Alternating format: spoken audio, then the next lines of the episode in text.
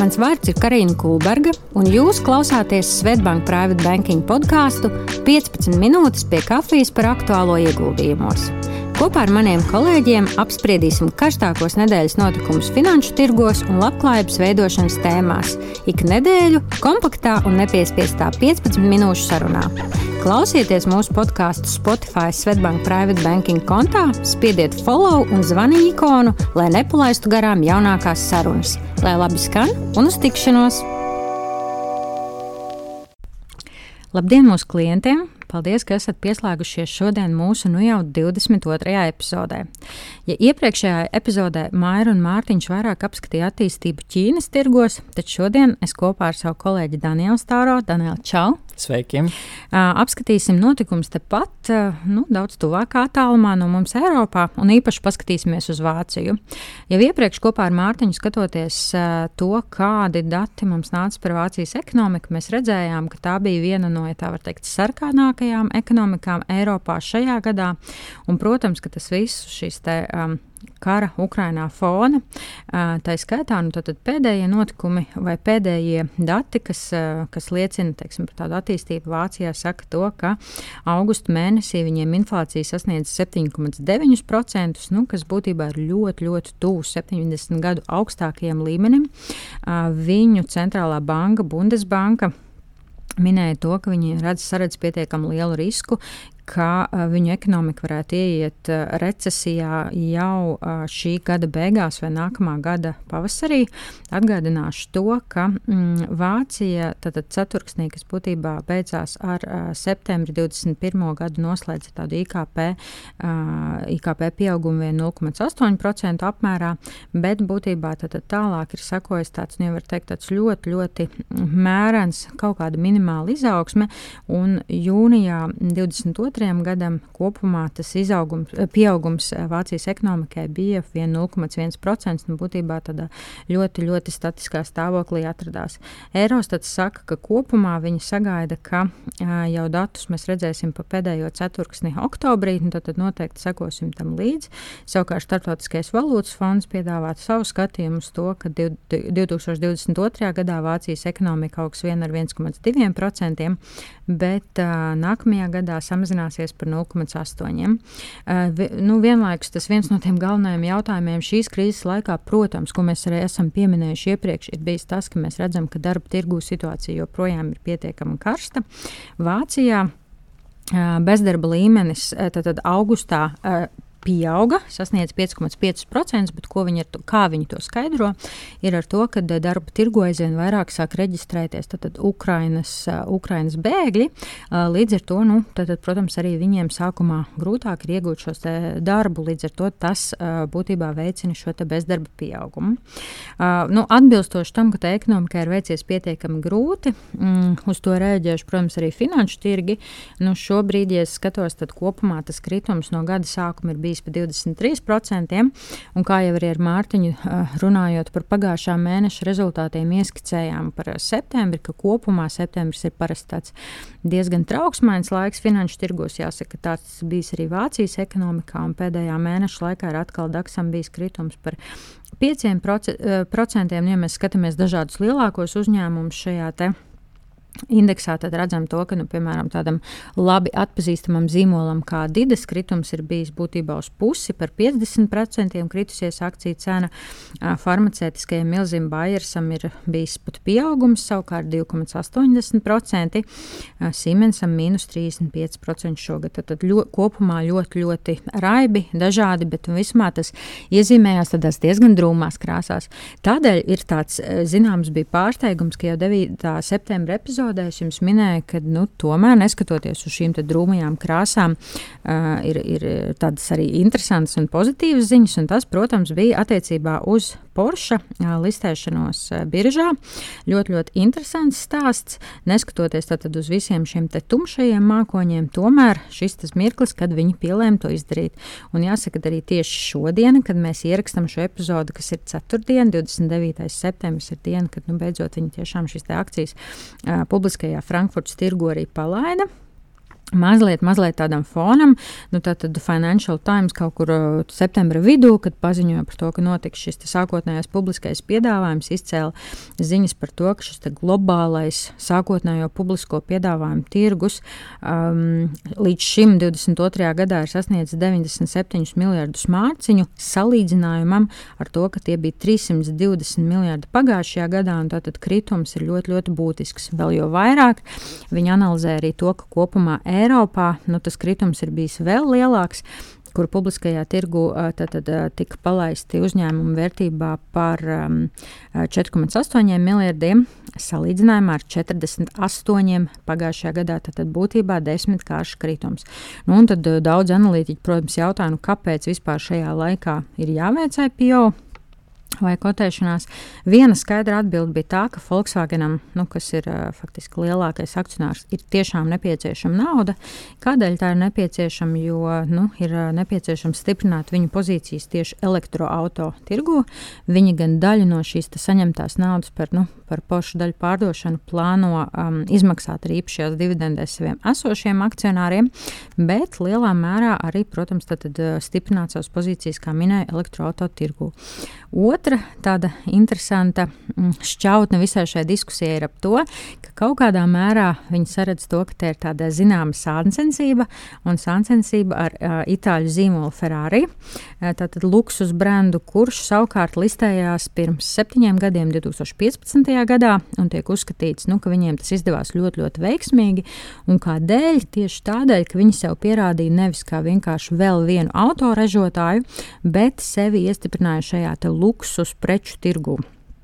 Un līdz ar to nu, panāca daudz lielāku vērtējumu salīdzinājumā varbūt ar citiem autoindustrijas darboņiem. Uh, izskatās, ka Porsche ļoti, ļoti mērķiecīgi strādāja pie tā, lai arī sevi pozicionētu šajā luksus tirgu. Uh, Galu galā viņi arī šim IPO organizēšanai paņēma Itālijas Medio banka, kas bija tā pati banka, kas palīdzēja tirgu, uh, publiskajā tirgu virzīt arī uh, Ferrari. Bet nu, analītiķi ļoti, ļoti ātri teica to, ka nu, tomēr neskatoties uz to, ka jā, protams, šīs abas visas auto, automarkas ir atpazītas kā tādas pietiekami augsta ranga luksusa zīmoli, tad jāsaka gan tā, ka tomēr tā starpība, nu, tās atšķirības arī ir. Kā piemēram, analītiķi saka, ka nu, nevarētu teikt tā, ka ja Ferrari mērķis ir teiksim, ražot ļoti maz automašīnas, viņas pozicionējot izcili dārgajā teiksim, preču galā, tad nu, tomēr jāsaka, ka arī Dažādi pošu modeļi ir iespējams tos iegādāties pat par uh, salīdzinoši pieejamākām cenām, un ka nevajadzētu vērtēt uh, viņu luksus klasi tikai pēc tā, ko viņi pārdod uh, dārgajā galā, bet par to patiesībā, cik maksā pieeja šim zīmolam. Un tas, ko analītiķi saka, ka nu, šodien, ja klienti gribētu nopirkt kaut kādu Mercedes, viņi to varētu izdarīt pat par 35,000 Porsche par 65, bet nu, pie Ferrari var tikt tikai sākot no kādiem 250 tūkstošiem. Ja?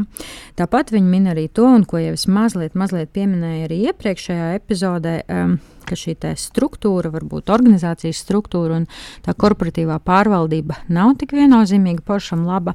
Un arī šajā brīdī Porša peļņas maržas ir krietni sliktākas tomēr joprojām nekā Ferrari.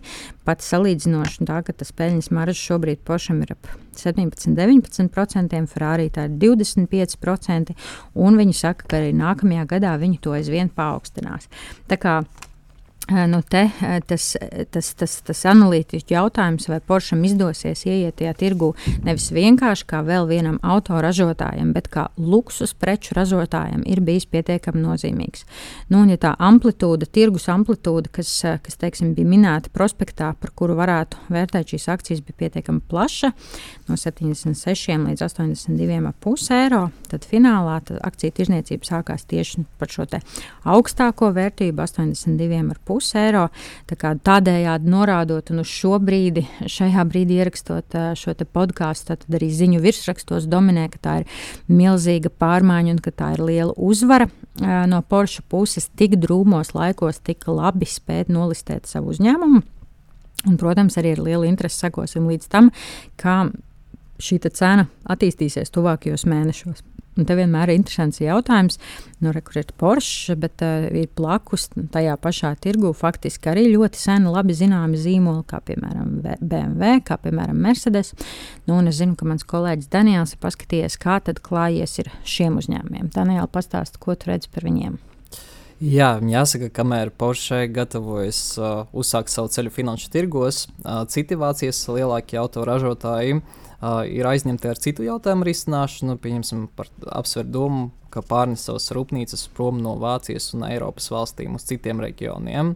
Jo šobrīd pēc uh, pēdējiem aprēķiniem Eiropa maksā par gāzi aptuveni septiņas reizes vairāk nekā ASV, kas palielina starpību arī saražotā gala produkta cenā. Uh, Līdz ar to Vācijā ražotie auto draud būt neko, nekonkurētspējīgi, kamēr politiskā un enerģētiskā krīze vēl ir spēkā.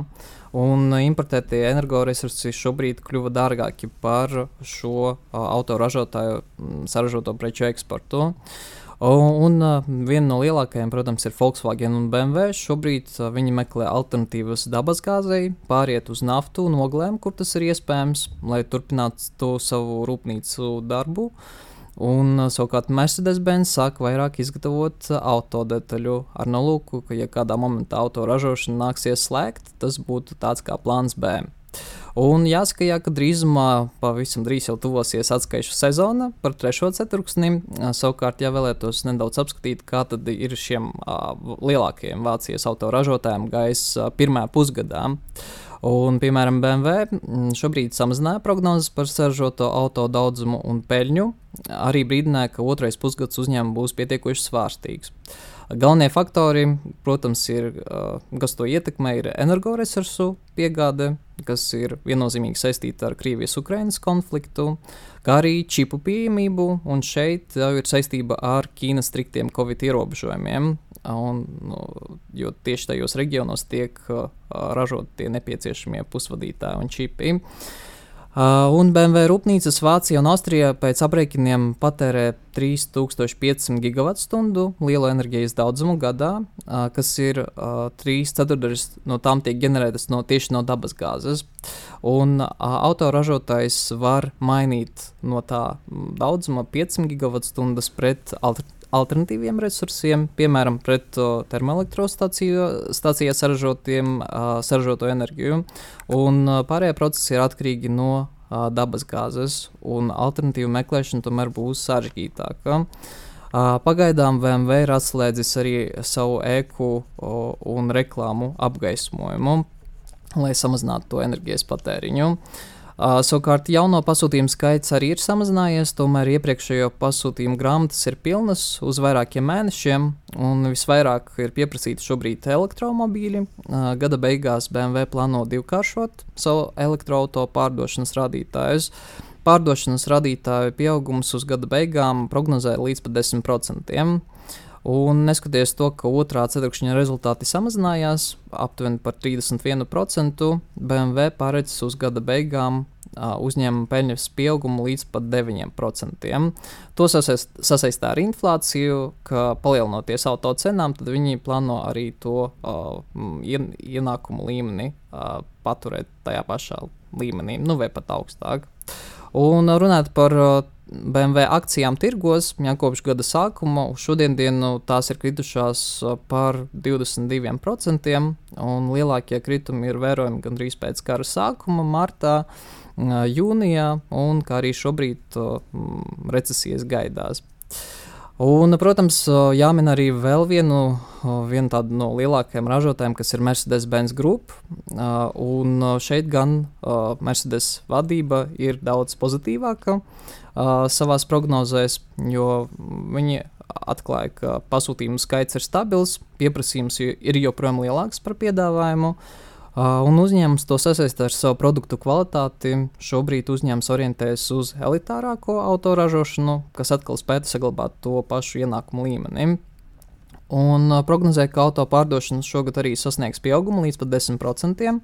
Otrajā ceturksnī vieglo automašīnu pārdošanas atdeve sasniedza līdz 14%, un tas ir par 1,4% vairāk nekā pagājušā gadā. Savukārt furgonu pārdošana atdeve gan samazinājās par 1,3%.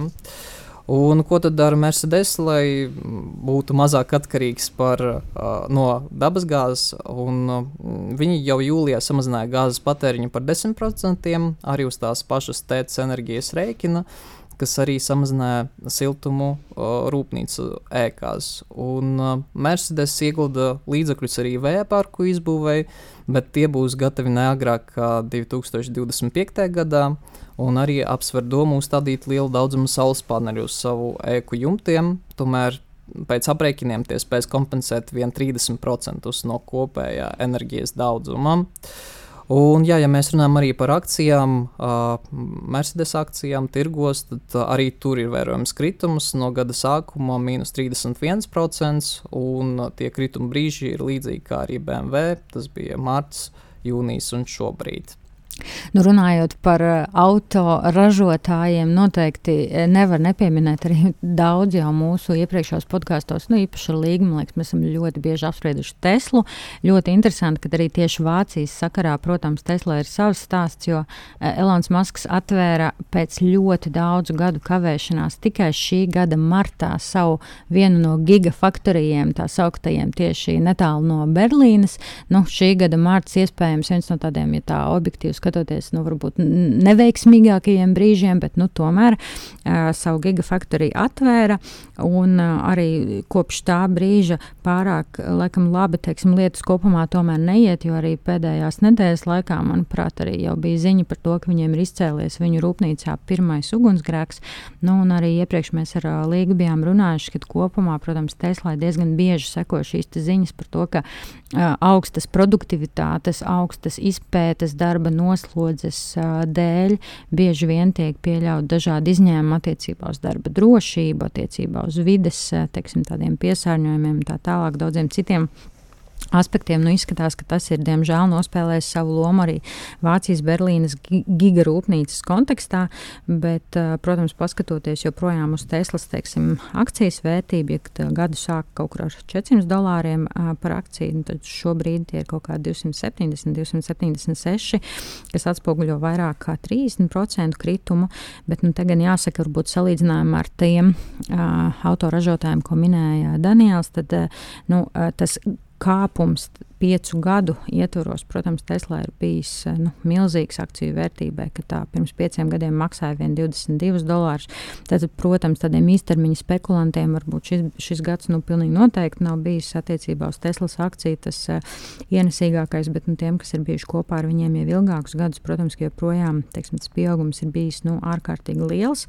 Un arī analītiķi norāda to, ka Teslas joprojām saglabā un plāno, ka viņu autosaražotais apjoms pieaugs kaut kur par 44% nākamajā gadā, salīdzinājumā ar pārējo industriju. Tas ir stipri lielāks pieaugums, un, protams, arī kopumā pārdošanas apjomi pēdējos piecos gados Tesla ir pieauguši katru gadu par 46%, salīdzinot ar industriju, kur, diemžēl, ir faktiski bijis kritums šajā pašā periodā.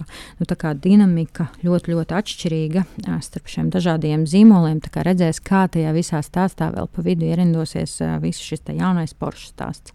Bet, nu, protams, runājot par Vāciju, tomēr nevar nepieminēt arī vienu ļoti nozīmīgu notikumu, kas patiesībā ir tāda milzīga nacionalizācijas aktivitāte, kas ir notikusi, un zinu, ka Daniels ir ieskatījies arī tajā. Jā, tieši tā. Tiešām to var devēt par lielāko nacionalizācijas darījumu jaunākajā Vācijas vēsturē. Uh, Un, uh, pagājušā nedēļā, 21. septembrī, uh, Vācijas valdība parakstīja vienošanos par uzņēmuma Uniper nacionalizāciju, kura daļas piederēja Somijas uzņēmumam Fortum iepriekš. Uh, Uniper uzņēmums ir lielākais Krievijas dabasgāzes importētājs Vācijā, savukārt pašā Vācijā nodrošina vairāk nekā vienu trešdaļu no dabasgāzes. Vācijas valdība šobrīd pārņēma aptuveni 99% no uzņēmuma akcijām par 8 miljārdiem eiro. Uh, Uzreiz pēc šīm ziņām uzņēmuma akcijās, akcijas biržā kritās par 65%, mm, taču šobrīd atkopās līdz pirms nacionalizācijas līmenim. Notikums bija mm, pietiekoši prognozēts, jo jau šī gada jūnijā Gazprom ir samazinājis gāzes padevi caur Nord Stream 1 vadu, un līdz ar šīm neskaņām gāzes jautājumos Uniper panāca savās esošās kredītlīnijas palielināšanos no 2 līdz pat 9 miljārdiem eiro, kā arī Vācijas valdība, nu, lai palīdzētu uzņēmumam, iepirka 30% no uzņēmuma akcijām. Uh, tomēr tik un tā augusta beigās uh, situācija pasliktinājās, jo Gazprom pārtrauca gāzes padevi pilnībā. Un Uniper bija spiests pirkt gāzes spot tirgos, tas nozīmē par šī brīža cenu. Un rezultātā Uniper, lai nodrošinātu gāzes padevi reģionālajiem enerģētiskiem uzņēmumiem un citiem lieliem ražojošiem uzņēmumiem, bija spiests iepirkt gāzi neizdevīgākā veidā un aptuveni zaudēja 100 miljonus eiro dienā. Un šobrīd ņētai veiktai nacionalizācija ir jāpalīdz energokrīzes laikā stabilizēt dabasgāzes piegādi, Tagad uh, par dabasgāzes importu būs atbildīga tieši valdība, un apmaksa tiks veikta no valsts kases. Un budžeta deficīta gadījumā tiks palielināts valsts parāds. Uh, protams, šeit arī ir negatīvā puse, ka vēlāk parāds būs uz nodokļu maksātāju pleciem. Savukārt eksperti uzskata, ka uzņēmuma nacionalizācija ir strateģiski korekts lēmums. Uniper uzņēmums ir enerģētiskais gigants, no kura ir atkarīgi citi enerģētiskie uzņēmumi. Ja pēkšņi Uniper paziņotu šodien par maksātnespēju, tad tas skartu arī pārējos atkarīgos uzņēmumus. Un var teikt, ka sāktos domino efekts. Rezultāt, rezultātā arī citi uzņēmumi, kas ir atkarīgi, paziņot par maksātnespēju un zaudējumi ekonomikā būtu daudz nozīmīgākie. Uh, to var salīdzināt ar 2008. gada globālo finanšu krīzi, kad valdība glāba bankas, lai saglabātu banku sistēmu un visus uzņēmumus, kas no tās bija atkarīgi. Um, vēl jāpiebilst, ka Uniper šobrīd pieder arī Zviedrijai esošais HES un TEC tīkls Krievijā. Uh, protams, Vācijas valdība nav interesēta šajos uzņēmumos, tāpēc tos uh, plāno uh, tuvākajā laikā pārdot, un tā peļņa, protams, ies uz uh, gāzes apmaksu šoruden. O, savukārt, kad situācija atkal stabilizēsies, tad Uniper varētu būt atkal privatizēts, līdzīgi kā tas notika pandēmijas krīzē kad uh, valdības centās uh, atbalstīt avio sabiedrības, pieņemsim, iepirka Lufthansa uh, akcijas, un uh, kad uh, situācija stabilizējās, tad uh, akcijas tika sekmīgi arī pārdotas. Tāds scenārijs arī varētu būt ar Uniperu nākotnē. Mm. Paldies, Daniela. Man liekas, ļoti interesanti, ka ieskaties arī šajā gadījumā. Vien, ja mēs skatītos jau pirms gada jautājumu nevienam par to, ka varētu kādus uzņēmumus nacionalizēt Eiropas sirdī, droši vien, kad nebija, bet nu, situācija ir būtiski mainījusies. Tā kā šodien tas tēmu lokus, ko apspriedām, ir ļoti plašs, sākot no Porsche līdz Mercedesam, bet arī beigās nonācām pie Unipera. Ceru, ka jums šo, šī epizode bija interesanta. Daniela, paldies tev par sarunu! Jā, paldies! Un uz tikšanos nākamnedēļ! Atā. Audio saturā dzirdētā informācija nav uzskatāms par ieguldījumu konsultāciju vai ieteikumu slēgt finanšu tirgus darījumus vai ieguldīt finanšu instrumentos. Paldies, ka noklausījāties mūsu sarunu šodien. Atgādinu, ka, lai nenokavētu jaunākās epizodes, spiediet follow un zvaniņu ikonu Spotify kontā Svetbank Private Banking, lai laba diena un uz drīzu tikšanos!